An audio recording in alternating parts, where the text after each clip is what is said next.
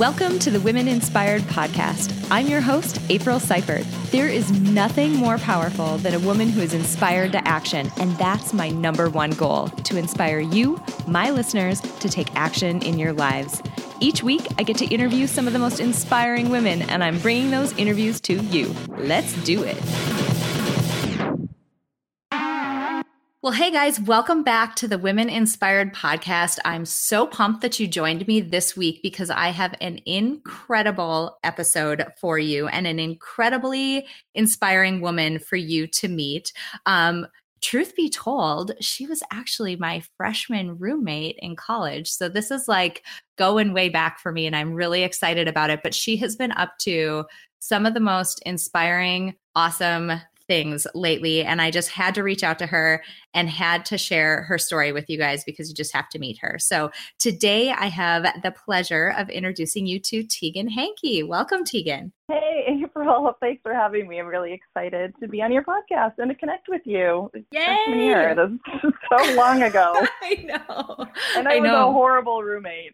You were not a horrible roommate. You were not a horrible. She was a wonderful roommate. I'm super pumped to talk to you today. It has been a little while, but um, for the purpose of you know the audience and everybody who's listening to this, help us get to know you a little bit and tell us a little bit about yourself. Sure. All right. Well, I grew up in a super small town in south central North Dakota, um, population roughly 1,000 people, and um, so remote that we were actually, you know, probably like a, a hundred miles away from the nearest shopping mall, escalator, fast food restaurant, very, very small town. Um, and then I met you at NDSU in Fargo, lived in Fargo for several years. My background is in um, counseling and social work. And now I live in Texas, uh, most recently in Austin and now in the Dallas area. Nice. So I reached out to you to be a guest on the podcast because you have been I don't even know how to characterize it on a serious adventure lately as of as of late like the, I would say the last year or so.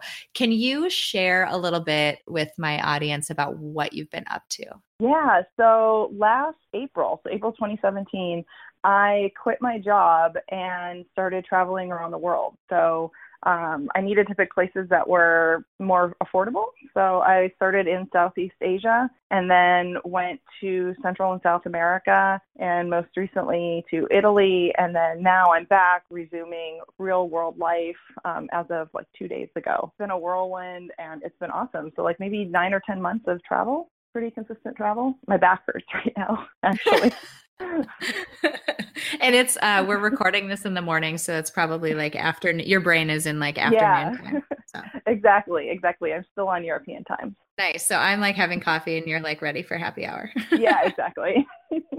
I love it. Okay so obviously the first um the first question in my mind and the first question in other people's minds are probably the obvious one. Um what got into you that made you decide to go do this? Because traveling for 10 months is not, uh, I mean, people go on vacation. Yeah. You know, yeah, people yeah. they they like pick a place they want to go and they go for maybe 2 weeks and that's a really big deal, but 10 months is a whole other shebang. So, right. what made you decide to launch yourself into something this big? Yeah, you know, it's a little bit twofold. So, one, I've always been interested in international travel, but my work life never really allowed for it. You know, in the US, we get like 10 vacation days a year, basically, or maybe two weeks. And um, that just didn't feel long enough for me to be able to go see all the places I wanted to see. And um, so, for one, there was that. And then, two, I, you know, about five years ago, I started um, I had some like things happen in my life that really kind of shook me up and sent me on this sort of path of figuring out the kind of person I want to be in the world. And since this was something I'd always wanted to do, I started setting my life up in such a way to make that happen. And that was both like external steps and like literal things that you have to do to plan a trip of this magnitude, but also figuring things out about myself and um, figuring out like what had stopped me from doing it before um, because I always wanted to study abroad in college, but just for whatever reason, never made that happen. I had always talked about it and planned for it, but had never actually done it. And I don't know if I was scared or what, um, but I just started thinking about why am I not living the life that I want to be living? And so started doing some internal expo- exploration and then some outward planning. So you kind of mentioned a couple of things there uh, as you were talking about this. First of all, that piqued my curiosity. You said you did some self exploration and that there were maybe some things about yourself that you know were keeping you from doing this or that that changed as a result of some you know personal things going on. Can you talk about that a little bit more? Like as you've reflected on it and what came up for you in in terms of like the way that you had thought about going after the things that you wanted to do in your life or or starting to take those things really seriously I got divorced about five years ago, and you know, when you get married, nobody really ever expects to get divorced. And for me, I wanted to learn something from that process, and so I, you know, I mean, I'm a counselor, so I did some therapy, and I am a huge advocate. I think everybody should go to therapy at some point in their lives. Oh my god, and I totally agree I, with you. By the way, yeah, I just had to say, yeah, like, hundred percent agree. Yeah, and not, I guess I said at one point in their lives, but really at multiple points in one's life, I highly recommend therapy. So, um, but yeah, so I had started going to therapy, and one of the things that I realized, and also reading a lot of Brene Brown, and you know, Brene Brown's research talks about vulnerability and shame and um, how those manifest in our lives. And I was realizing that I was never really open, and so I was never really open to whether it was in my marriage or in my friendships with people. Um, I didn't need anyone and uh like i was always i was always fine i was always okay and, you know, that's great because it makes me very self sufficient, but it also um, prevents me from having a really full life. I wasn't taking risks. I wasn't, um, whether it was personally or at work, you know, things were just happening and I wasn't necessarily making them happen. Does that make sense? A hundred percent. Yeah, it makes total sense yeah so you know that was a lot of the self exploration and then practice like practicing being vulnerable and asking for help. Like that was a huge thing for me. All of a sudden i was living you know in this house by myself and um i didn't know how to do things. I didn't you know i didn't even know how to i could figure it out but some things just seemed too big for me. And um, I remember I had a friend of mine at the time. She was over at my house and she was in my kitchen and she was looking at me and she was like, okay, Tegan, here is the point where I would hug somebody normally because I think I had like tears streaming down my face. she was like, but I know you don't like you don't like hugs or getting really close, so I'm just gonna slowly come towards you. And I think it was one of the more awkward hugs. But now I'm a hugger. Like I hug people all the time and so it's like a physical manifestation of the changes in my life and just being open and uh, yeah so it's really trippy so as i was listening to you kind of describe what was going on in your mind at that time and and some of this i'm assuming goes back to when i knew you and when i lived with oh, you yeah. it's you know it's funny because it's a really great example of how you never really know what's going on inside somebody else's mind because when i think mm-hmm. about you you have always been somebody who was completely unafraid of anything and one of the most self-confident open just uh, so fearless people but it sounds like you know there were still some things that and it's it's a testament to you know obviously all of us have our own. Insecurities and fears and things that we're working on and you just don't know when you're an uh, you know a person outside of that person's mind you just don't know what yeah. what those might be. Yeah exactly. I mean i would i would say this i think i've had a lot of conversations with people that i've known like now that i feel like i've changed like i'm the same person but i'm completely different. And i've had conversations with friends you know that you know too from from college who've said, you know, kind of the same thing, like, yeah, you've always been open, but not too open. And I always wondered what was going on, like some of my closest friends, like, I always wondered what was going on, like in your mind, um, because you never really shared too much.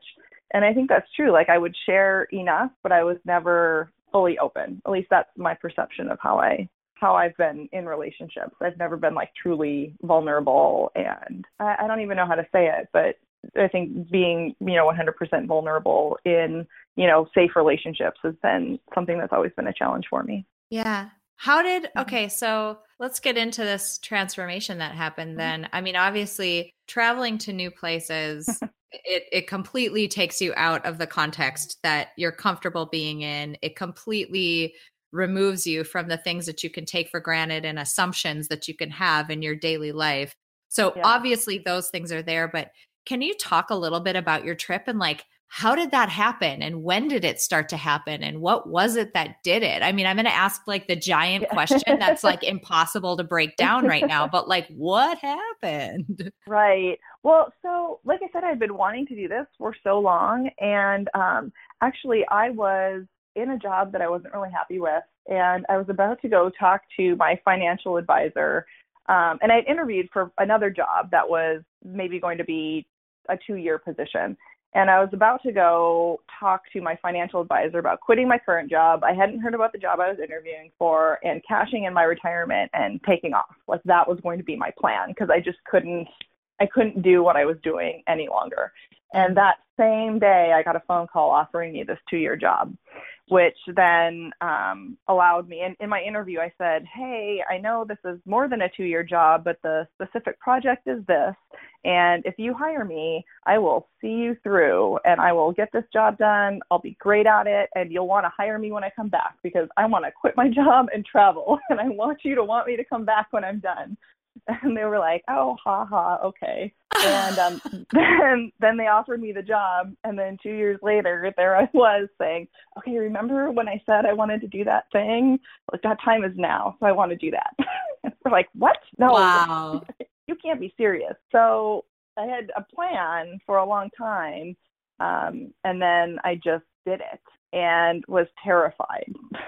really scared because I don't, you know, this is something that you can plan for, but also you can't you just have to do it. You can't really plan 10 months of travel like you'd plan a vacation what you're going to do every day or you know things like that. So i had a loose plan like i had an airline ticket and then pretty much did everything else on the fly. Like i i i started in indonesia and bali and when i got to the airport in dallas on my way to bali they said well when are you leaving bali? And i was like ah no, I haven't thought about that. And they're like, then you can't go because you need to show us that you have a ticket out. I was like, oh, dang. So I stood on my phone and bought an outgoing ticket from Bali um, before I even left. I mean, that's oh how little I planned. Uh, but, you know, it was fantastic. And so you're obviously in this unexpected situation. Was it just mm-hmm. repeated situations where you had to just figure it out that helped you get to this point where eh, you started to kind of break down the barriers that you had you know discovered you had before or i yeah. like i'm still like this whole massive trip i think it's the maybe it's like the size of it or something like i still yeah. can't wrap my head around it like it's just an amazing thing for somebody to have done like was it the repeated situations were there specific places you went or people you went that did it or or i don't know yeah you know so i think a little bit one, like the travel community is amazing. So even as i wanted to start doing this trip i had a friend that i knew only loosely like you know somebody that you meet a couple times and then your facebook friends and he had been doing this trip. And so i had sent him a message saying hey i want to travel i want to do some extended travel too. Do you have any advice for me? And we set up times to skype when he w- when he came back to town we went out for dinner like and he gave me all of these tips like when you're like your cell phone here you can do a sim card or you can do an international plan. Uh, what do you want to do with your car? What are you going to do with your with your house? Like the very practical things. And so once those things are sort of in order once you're in these countries like there are so many people who just want to help so if you're open to the world and things unfolding in your favor or for you, I think a lot of ways they can. And of course, you have to be practical and safe, but you know, the travel community is amazing. People want to help. They want to connect. And so I met people along the way too that um, I ended up traveling with for a while and people who are still out there and I'm following their Instagrams and I'm so jealous. You know what's coming up in my mind as I'm hearing you say this? Everybody has heard, you know, the cheesy cliche quotes about how growth happens outside of your mm-hmm. comfort zone and whatever, but right. like they're cliche because they're true. I mean, they're right. cliche because they they apply. And what yeah. I'm kind of hearing you say is you were, you know, before you went, you were this person who felt like she had to be completely self-sufficient and take care of herself and not you know, show vulnerability or say she didn't know how to do something or that she needed Mhm. help. But by putting yourself in a situation where literally you could not do it by yourself, Right. it sounds like it taught you how to be open to other people helping you out. Yeah. Okay. So this other thing, I, so I didn't mention this, but like right after I got divorced, I gave myself a period of rumspringa. you know, are you familiar with the term? The Amish, No. the Amish No. Okay. So the Amish have this tradition, you know, from like, and I'm I'm probably going to get this a little bit wrong, but um, you know, broadly speaking, so this tradition from about age 18 to 22 or so, where they have this brief period of debauchery, so they can go out into the world. You know, youth can go out into the world and they can um, you know, experiment with drugs and alcohol and sex and, you know, video games and whatever. And then at the end of it, they decide whether or not they want to come back into the Amish community or live in the world. And so, of course, um, there are different consequences in the Amish world, but I sort of applied this to my own life and said, you know what, I need to figure things out. And so I'm going to give myself this period of, of Rumspringa and I am going to like this self discovery and practice the things that I've learned. So I did some therapy and also was very open with my friends about what I was doing. So we would get together once a month and like go out and have a really good time. But also they were holding me accountable for practicing these new vulnerability skills that I was learning. And um and I feel like I have the strongest community I've ever had. And I have like the strongest girlfriends that I've ever had. And really like this Rumspringa was me giving myself permission to ask for help, to do what I wanted to do sort of without consequence, to speak my truth, which is another thing I feel like I've always, you know, been very careful about the things that I say, which is good, but also I think at the expense of my own needs. So I was learning to recognize my needs and express them. And so I feel like this this time frame that I gave myself gave myself permission to do that. So then when I was out traveling, I was okay asking for help and I was Mm. okay not knowing what was going to come next because I allowed myself just that freedom. Uh, you know, I gave myself time to practice that freedom of not having to have a plan, um, not having to have this structure. And then here I am in this completely, you know, literally foreign world and having to figure it out and having to ask people um, to help me do things. Um, and then, and also figuring it out by myself and then needing, you know, asking my friends and family for support from back home, like emotional support or whatever it is, because it is lonely out there when you don't have anybody who knows your soul. Yeah. I'm really curious about some of the more pragmatic things about Yeah. travel of that size. Like, where did you stay? Where did you live? Okay. So because I'm in my late 30s and doing this, I was definitely an older than average traveler. So if there were hostels that had private rooms, I would stay in a private room. Um, I definitely wanted to, I stayed in a lot of hotels, but usually there are hotels that are catered for budget travelers. So I was able to like meet people in that way. Um, but I definitely, I couldn't bring myself to do the dorm, the dorm hostels, which is a much cheaper way to travel. But you know, so I stayed, I stayed in a lot of hotels that were very basic. There's, there's nothing fancy about anywhere I was staying. Let me just preface it all with that. Not glamorous Totally. but you know but gave me but gave me privacy and quiet which is what i wanted as well How did you, as you know, as you were at a place, how did you decide both how long to stay there and where you wanted to go next? Yeah so some of some of it was um like i needed to be in a certain place um to meet a friend who was coming to meet me. So i would have 10 days in cambodia. So how did i want to divide up my 10 10 to 12 days in cambodia so that i could get to thailand in time to meet my friend who's visiting me?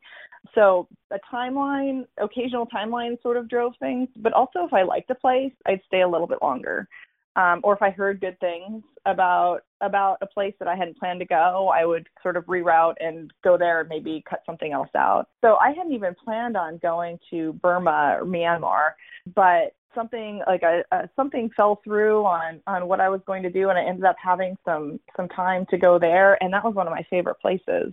Mm. And so it was you know completely unexpected. So I really just kind of left it open. I don't I didn't feel like I needed to plan a whole lot. And so it was just word of mouth is how I figured out where I would go next.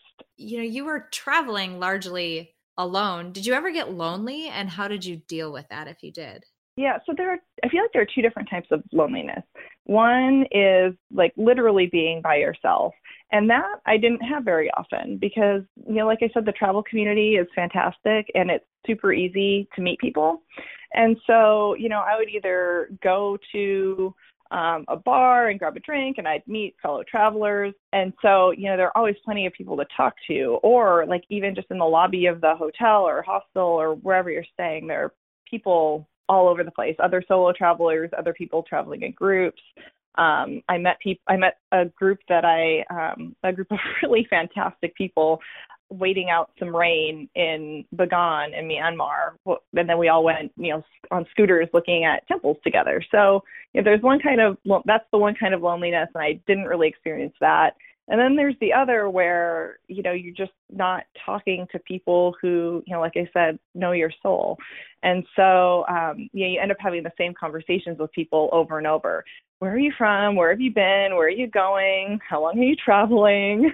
and um, you know, what's been your favorite place? So those conversations get a little, um, they just get old and it, it doesn't feel, um, the experiences that you're sharing are, are different.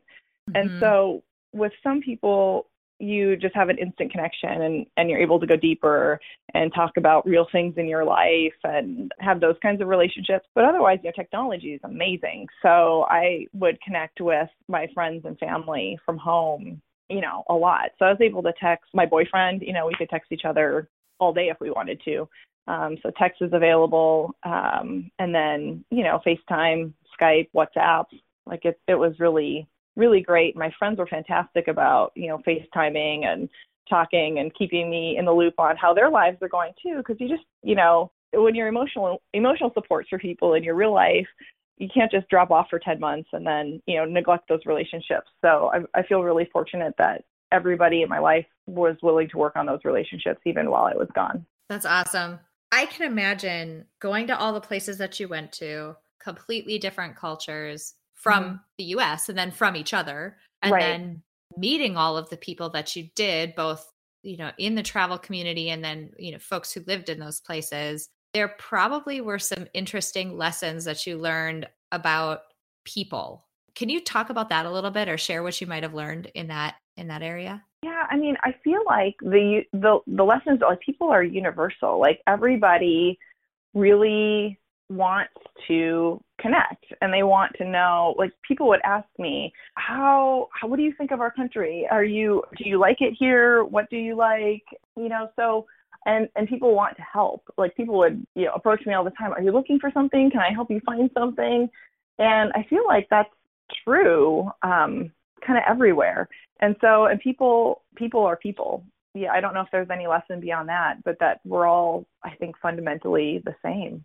It's actually a really profound lesson because i feel like the more i watch the news these days and the more i you know talk to folks just out mm-hmm. in my community I think that's a lesson that we're getting further away from these days. Mm-hmm. We're just not realizing that people who may seem really different from us, ultimately their goals and their values and the things that they want and need in their life mm-hmm. are exactly the same. I totally agree. Like I feel like um especially, you know, given the I think political climate right now in the US, there are so many things that are dividing us, but I really think that you know it it comes down to personal relationships, and so you know you can have better conversations in person than you can on Facebook or you know in the comment section of whatever article that you're reading.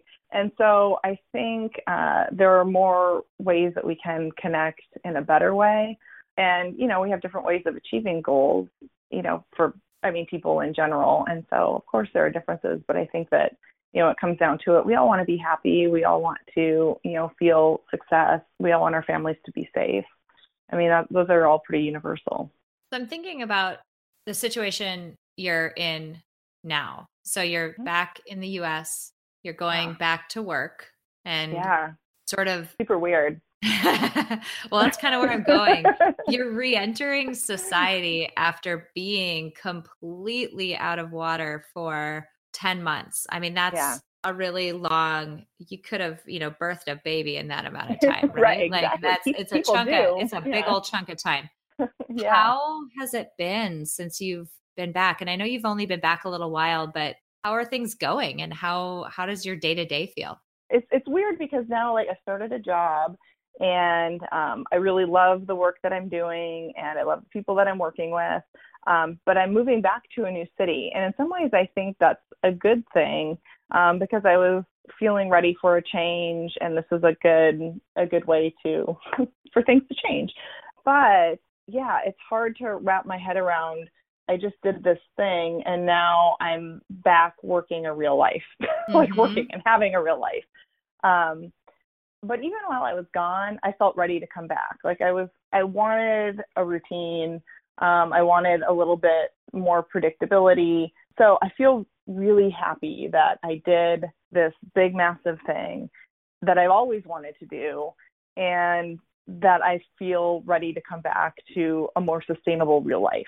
Yeah, that's awesome. Do you feel like your outlook on this is going to sound a little existential, and I, I actually mean it to be. Do you feel like your outlook on life is different now? You know, I don't so. Not, not I don't think as a result of the trip. I think as a result of everything that led up to the trip ah. um, is what has completely changed my outlook on life. Like it's changed the way that I interact with people. It's changed the way that I, you know, take risks, even if it's just saying something that I don't know if somebody will like or putting a putting a thought out there that I haven't fully formed. You know, like people don't think of those as being risks, but they are exercises in vulnerability. And I don't think I was doing that before. And so I I think that's what's really changed my outlook on life. Like I feel okay being able to take risks and make mistakes. So like mm-hmm. even when I left to go on this trip, I had some thoughts like, "Oh my gosh, what if everybody knows that I'm doing doing this? What if I get out there and I hate it? I mm-hmm. don't want to be doing this. What am I going to do then? Like that would be that sure would be embarrassing. And like what if I and what if I can't do this? like what if I like literally can't be by myself or I literally can't figure things out? then what? And so um, luckily that didn't really happen. I mean, there were low points, but you know, nothing that made me want to stop. But yeah, so I think I think that's the that was the turning point for me was you know leading up to it. But everything else is um, sort of aligning with how how I want to be in the world. You mentioned two things there that I just want to call out. One is uh, something that I've talked about quite a bit in previous episodes, but that I've I very firmly believe that our risk tolerance is a muscle. So mm-hmm. even though, you know, you mentioned saying something that, you know, putting a thought out there before you've completely formed it and figured out exactly mm-hmm. how you think and, and checked it with mm-hmm. a million different sources. Right. Or you're saying something that you think other people might not agree with and you just yeah. don't know how it's going to go. Those things are risky. And mm-hmm. until you start, granted, they're a smaller risk than getting on a plane and realizing you can't actually right. get to the next place. You have to go because you don't have yeah. the ticket out and whatever and like okay that's like that's yeah. another level but yeah. that's the point is yeah. you know it's it's like working out any other muscle. You start with the weight that feels challenging but doable today. You work on that for a little while and then pile on when that starts to feel easier. And so exactly. that muscle it sounds like you started working that muscle out well before you left. And then this was sort of the next logical, yeah. but still big step well, in the process. Right. And I think I think all of that also improves our ability to manage failure. And so 100%. if I practice putting things out there that people don't agree with, then I can deal with what that feels like and figure out how I want to handle that in the future. Like maybe I think maybe I think twice before I say certain things or maybe I don't and you know i keep the same risks with different different results but i mean ultimately it's taking risks is what pushes pushes us forward in life. And so you know i hope i can take bigger risks and then manage the failures that might happen. And you know we learn more from the failures than we do the successes. So i've heard another cliche but, yeah but they're um, true. Um, the yeah exactly true. that's why they stick around. And the other thing you mentioned is you said, what if I, this is a thing that I've told everybody I want to do. I do want to do it, but what if I get out there and I realize I don't like it, or I realize mm-hmm. I don't mm-hmm. like being alone and I have to change my mind? And it is a near universal that mm-hmm. people are afraid of admitting that they're changing their mind. That, like, yeah. My thinking has evolved about this. Or, yeah, I tried it and I really hate it. Even though it's something that other people love, I personally, me, one human being, I don't like it. And yeah. it's funny because if we all are afraid of it, yet we all know that it's a possibility for us, can't we just let each other off the hook and right. let each other change our mind? Like well i thought that's not what you were doing right now. I thought you were working on this project right now. I thought right. you were doing this hobby right now. Who cares? I yeah. did it for two weeks and i decided i didn't like it and life is short. I only have a exactly. certain number of days and so i don't want to i'm doing this thing i don't like anymore. I'm trying something yeah. new why can't yeah. that be okay you know? Exactly. Well and i think the reality is like when like if that would have happened i mean i went through this in my mind. I went down this path. And you know honestly the reality is like if i had come home and you know, if i was like i i can't do this. I did that really well and would have been like good for you for trying.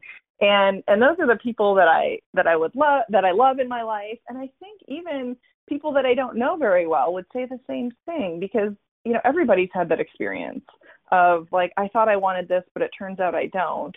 And it's brave to change the course and yes. to stop doing something that you're not yes. you know 100% into. And so I then once I went down that path and realized that it's like the idea of failure be, failure, you know, in quotes became okay because I could I could come back and still be loved and accepted. And all of those people who would me for it, you know, fuck them. Like they yep that they're working on their own issues that are leading them to judge me about this particular failure in my life. So I don't need to spend my time worrying about that. Yes. And the way that I've started to think about it in my life, so since I left a normal job a few years ago and the further into entrepreneurship and this weird world that I live in now that I'm not even sure how to describe, uh, the further I've gotten in, the more I've started to reframe as I'm I think about it in a way that a designer would create something. Mm-hmm. I'm prototyping. I don't yeah. know if this prototype is going to work for me. Mm-hmm. I don't know if it is or not. So I'm going to build sort of an initial model of or I'm going to give this activity an initial try I don't know yeah. if it's going to work for me. So I'm essentially these days, I'm prototyping my days, I'm prototyping my mm-hmm. experiences, and I'm adjusting, adjusting, adjusting, adjusting where things yeah. don't feel like they're working because, and I'm getting closer. Like each day, each week is feeling closer and closer and closer mm-hmm. to something that like sits well with me. Yeah, and I couldn't yep. say that, you know, will feel better than six months ago did because I've thrown mm-hmm. away a lot since then right. and I've taken on a lot of new since then. Mm-hmm. But I don't yeah. know another way to do that. There's no way to invent the iPhone today right. without going through model number one or without going through that weird phone that you used to slide up with that QWERTY keyboard and like you text that way. Yep. Like there's no way to get there but through mm-hmm. all those failures. So exactly. I like to think about it as prototyping and like, I don't know, I'm trying some things out. I'm gonna throw away the stuff doesn't work. Yeah, yeah, exactly. And like different versions of myself. Like I'm trying to figure out how I want to walk in the world. And, you know, I I'm the same person always I want to be the same person in every context, like in my personal life, in my personal life. And I want my values to come through both personally and professionally. And so, how do you do that? Like, when do you speak your truth? How do you speak your truth? Um, and what does that look like in different settings? Yeah. And, you know, all of it is like a prototype and, and we're all figuring it out and we're all constantly changing. And, you know, I am the person I am right now is better than the person I was a few years ago or yesterday, I hope. And I hope to continue evolving. And if that looks different than who I am today, then great. That means that I'm, you know, as long as I'm sticking true to my my values, that that I think is is what needs to drive everything. Absolutely. So, for people listening to this who maybe want to travel or they have another scary thing that they want to try or, you know, start one, what advice do you have for them as somebody who has done the big thing? You know, I mean, this this goes back to what we were talking about a little bit earlier. I kind of think you have to just do it. You know, if it's something you've been dreaming about, or you know, give yourself permission to have a time of self exploration. Like, what's holding you back? Why why aren't you doing this thing that you've always wanted to do? Do you ever read? Um, there's a blogger, I think his name is Mark Manson Subtle Art of Not Giving a Fuck. Yeah, he has a hysterical yeah. page with these little kids' drawings on it, I think. Anyway, sorry. Yes. So he wrote an article about, you know, figuring out what you want to do and and you know, then you have to take the steps towards what you want to do. So we all have these big dreams like maybe you want to travel the world, but you don't necessarily want to do the things it takes to travel the world, like quit your job, figure out figuring out what to do with your stuff, you know, saving money, like all of those things that you need to do to make it happen are a lot of work and if you're not willing to do to do those things you know why not do you really want to travel the world or do you or do you like the idea of traveling the world and you need to rethink what that dream is? And i thought that was really really great. The like it really resonated with me because you know i there are all sorts of things that sound great. Like I want to do them in life, but yeah, I don't actually want to work towards doing that. and so maybe that's not my dream, but I like the idea of it and I can live with that and I can let it go. Um, but for me, traveling the world was this thing that I wanted to do and prioritizing that made sense and the risks seemed worth it. And so you, you actually said something. Okay, so now uh, for those listening, we're in the portion of this podcast interview where we're just going to talk about uh, self improvement books that have the word fuck in the title. But there's Perfect. another one called Unfuck Yourself, where mm-hmm. I mean, essentially, he asks you two questions that are, if you let them sink in and, and honestly answer them, it's pretty earth shattering. And it gets along the lines of exactly what you were saying. He basically says, there's no there's no try blah blah blah. What are you willing to do and what are mm-hmm. you unwilling to do? And it's okay yeah. to say i am unwilling to quit my job to go do blah blah blah. That's yeah. totally fine. But yeah, what are you willing to do? I'm willing to get up early every single morning to work on this project because i, I love it so much. Yep. Yep exactly. Or i'm willing to, to i'm unwilling to stop going to concerts but i am willing to start working a second job so i can save money extra money to to do whatever it is to go traveling. Yes yeah. yes. So yeah yeah exactly. I love it. Mm-hmm. this has been phenomenal. I'm so excited for the experience you had uh by the way those uh listening you actually shared a ton of photos on Instagram. Do you mind sharing your yeah. Instagram handle for folks who want to maybe stalk yeah. and, and live vicariously through the travels that you had? Yeah, sure thing. No problem. My um, Instagram for my travel was nomad underscore for underscore now. So nomad for now. I would highly suggest you check out her Instagram. Not only were the photos amazing, but the the captions that you were writing with all of them you could really see the learning that was happening and just the experience that you were having. So even if you're not in a place where you feel like you can and or are willing to do the things that it would take to go on a trip like this you can learn so much from just going back through the pieces that Tegan posted and the photos and the captions, they were just really incredible. You did a beautiful job of just capturing what you were going through at the time. I was completely riveted the whole time. I was Thanks, you. April. well, I sort of wanted to take people along with me vicariously because a lot of people did say like, "Oh my gosh, I would love to do this someday. Can I follow you?" So yeah, yeah, it worked. I was totally riveted. awesome. I so appreciate you sharing your story with us. This has been wonderful. I have one last question that yeah. I ask every single person who is uh, a guest on the podcast. We mm-hmm. have a Spotify power playlist of motivational songs that just keep people going throughout the week when they need a little bit of a boost. And mm-hmm. all of the mm-hmm. songs are curated by the amazing women that I have interviewed on the podcast. So I have to ask for your favorite motivational song to add to our playlist.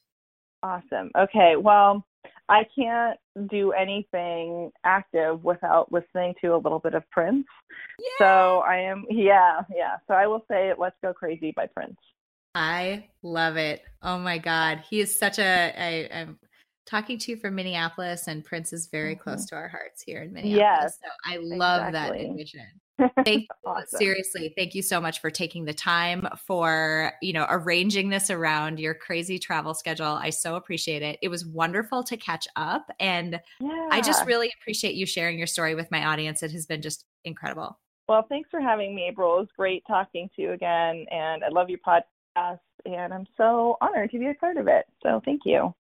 You guys, oh my god, that is what I'm talking about. This type of interview just gets me so jazzed and so excited because this is the type of thing that, you know, it just lights me up because this is a person who, you know, Tegan decided years and years ago that she wanted to travel the world and she intentionally set up her life to be able to do it. Now, I want to dig into that just a little bit. You know, she talked about how ultimately what got her to decide that she was going to go take this massive trip that she ended up going on um, ultimately all it was was that she's always wanted to travel. She's wanted to travel the world internationally and see what there is to see and she didn't feel like two weeks was enough and so it was going to take some work on her part to be able to make this happen. Now you've heard me talk about on the podcast how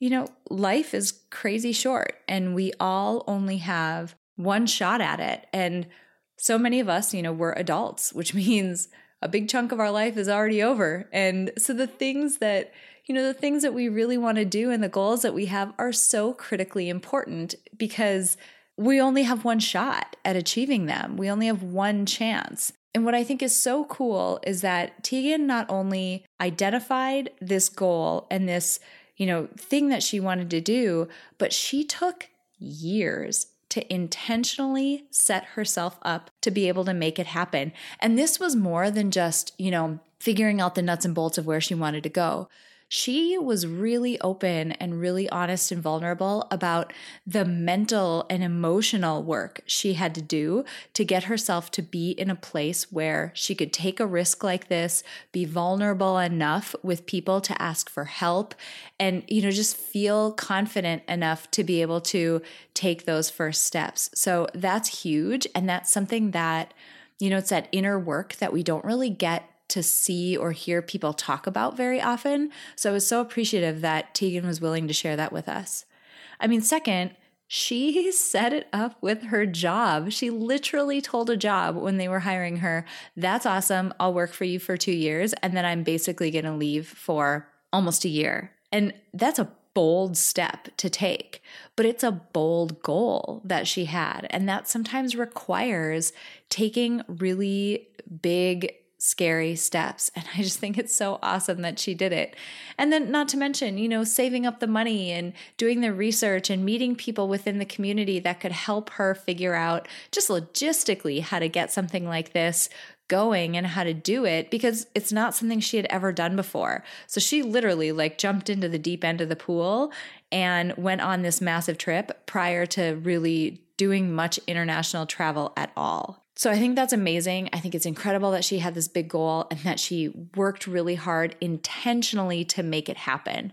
And I keep coming back to that word intentional because sometimes when we see people like Tegan who are doing something, you know, huge or who have accomplished something or who are having a life experience, it can feel like it kind of naturally fell into their lap or you know naturally knew how to do it or or had the resources to be able to do it and that wasn't the case. And it isn't the case most of the time. We absolutely 100% have the ability to intentionally shape the way that our days happen and intentionally shape the opportunities that we have in our life. We don't have 100% control, but we have so much more control than we think we do. And I adore that she took control. I also adore that she called out the fact that at some point, she was just kind of ready enough, not totally ready, but whatever, ready enough. And she just had to take that first step. It was a just do it kind of moment because ultimately that's all you can do is take the first step. And I know you've heard me preach this on so many podcast episodes before, but this is such a huge theme.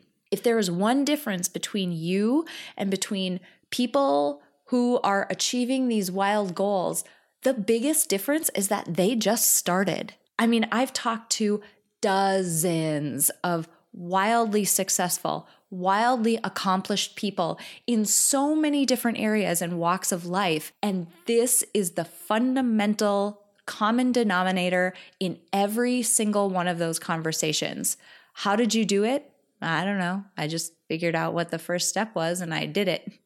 And then I did the second step. It's literally, I almost know exactly how they're going to answer that question when I ask it, but I keep asking it because I think it's a really important thing to drill into people's heads. That first step, you just do it. Like you just take it. So identify what it is and just take it. The next thing that I want to call out from her interview, I have two things left. One is she talked about this notion of vulnerability and you know mentioned Brené Brown's work which is so amazing. If you haven't read her work I highly I highly suggest it. If you haven't listened to her TED talk I highly suggest it. She's wonderful. But what was cool about Tegan's experience with learning to be vulnerable is that by you know she had such a neat quote. It was something like by speaking her truth it brought her the closest friends that she's ever had. She was able to actually allow herself to open up enough and allow other people to get to know the real her. And sometimes, you know, I've been doing a lot of reading on this recently actually and there the the front or the PR person deep inside all of us that keeps us from saying something stupid and tells us exactly how to craft, you know, the next word that's in sentence that's going to come out of our mouths so that we don't offend or say the wrong thing or mm, we sound as good as we possibly can. That PR person ultimately puts distance between us and other people. Like the bigger that PR person inside of us is, the more distant other people are always going to be. Because ultimately, every single one of us is flawed. Every single one of us is going to say the wrong thing from time to time. We're going to have to apologize. We're going to have to reframe. Every single one of us has problems and has faced hurdles and barriers. And if there's one thing that I've learned from this podcast, the more vulnerable I've been able to be, the closer people feel like they can get to me. And Tegan so echoed that, that her friends felt like, even friends that have known her forever, felt like they could be closer to her because she was being so vulnerable that, you know, it allowed people in.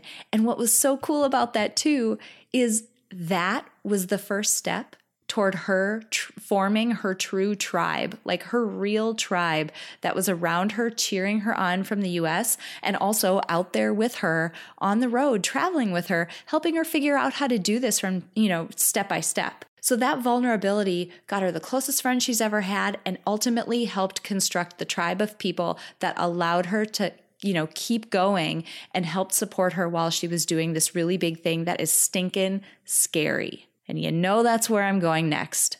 If there's another thing that I thump and pound on my desk about during this podcast, it's the idea that our risk tolerance is a muscle. So we absolutely can work on that muscle and increase our tolerance for risk. We can absolutely do small things today that scare us, that lead us up to being able to do the really big thing that we actually want to do, but are freaking terrified to do. It took Tegan years to get to that point. I mean, at least two by the point that she actually told her job, but it sounds like it was closer to about five years of doing the mental and emotional work to be able to get herself to this point. That's some serious dedication and that is some like risk tolerance weightlifting. Okay, I lied. I said that was going to be the last thing that I was going to talk about, but it's not. I'm going to mention one more thing because there was so much good stuff in this interview. I just can't not mention it. Um, we talked about a really important notion, the notion of prototyping toward the end of her interview. We talked about how, you know, sometimes one of the big fears we can have with trying something new is, well, what if I don't like it? What if I don't want to keep doing it? And now everyone knows that I've started it and everyone knows that I'm trying it. And now I'm going to have to admit to everybody that, yep, I don't like it and I'm not doing it anymore. And we're scared of looking flaky and we're scared of looking like we don't have direction and know exactly what's going on. Well, guess what? Nobody knows exactly what's going on. Like, if you think five years ago in your life, would you be at the point that you're at today? Most of us would say no So those paths are going to happen and that meandering is going to happen anyway. And what I think is so neat about this idea of prototyping is it's something that I took from the field of design thinking. And essentially what you're doing with prototyping is you're trying things on for size in your life. You're finding the most, you know, minimum action possible to try something on for size and see if it's something that you like. You're testing and experimenting and then adjusting as a result of those tests and experiments. So, you know, maybe yeah, maybe you decide that you absolutely love travel, or maybe you absolutely love flamenco dancing, or maybe you absolutely love going to this Spanish class where you speak nothing but Spanish during the day. Maybe you hate those things. It doesn't matter. Try them and see if you like it. And if you don't, abandon it. Life is too short to keep doing things that you don't want to do just cuz, you know, you said you were going to do them you know, if they're not hurting anybody else, why would you just commit to it if the only thing that's going to happen is you're going to have to admit to some people that you just don't like it? Oh my God, life's too short for that. And life's also too short to not try the things that you want to try because maybe you'll like it. You just never know. It's totally worth it. So, this notion of prototyping is a really big deal. For those of you who have not signed up for my uh, mailing list. If you sign up for my mailing list on aprilseifert.com, you're going to get access to my life blueprinting tool. This notion of prototyping is embedded in that tool. And that's why I'm so passionate about it. It is a way for you to start slowly and incrementally aligning your life in a way that is more fulfilling to you. And that is such a big deal because you start doing that and it's incredible what can happen in a month, in six months, in a year, in five years. It's awesome. So I really hope you guys enjoyed meeting Tegan Henke. I hope you'll follow her on Instagram. Her photos are amazing, her captions are amazing. It is so dang inspiring.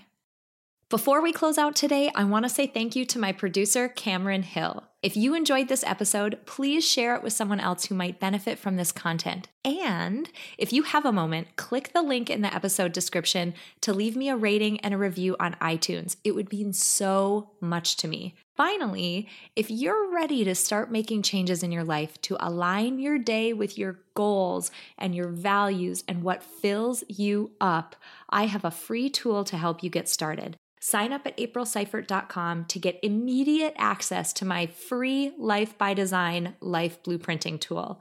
I designed this tool using theory from the fields of psychology and design thinking, and it will absolutely help you get clear on the areas of your life that are serving you and those that aren't. Clarity is a critical first step before you can design your own best life. Thank you so much for joining me this week. Until next time, have an inspiring week.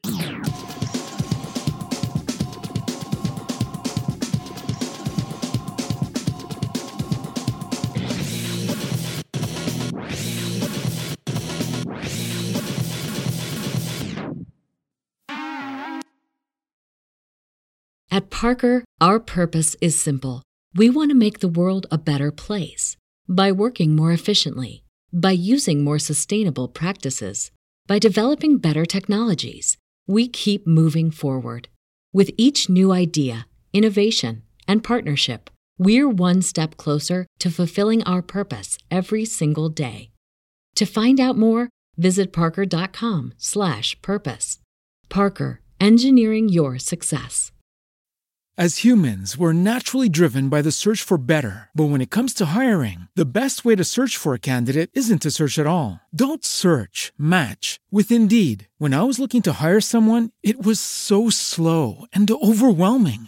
I wish I had used Indeed. If you need to hire, you need Indeed. Indeed is your matching and hiring platform with over 350 million global monthly visitors, according to Indeed data, and a matching engine that helps you find quality candidates fast. Ditch the busy work. Use Indeed for scheduling, screening, and messaging so you can connect with candidates faster. And Indeed doesn't just help you hire faster. 93% of employers agree Indeed delivers the highest quality matches compared to other job sites, according to a recent Indeed survey. And listeners of this show will get a $75 sponsored job credit to get your jobs more visibility at Indeed.com slash podcast. That's Indeed.com slash podcast. Terms and conditions apply.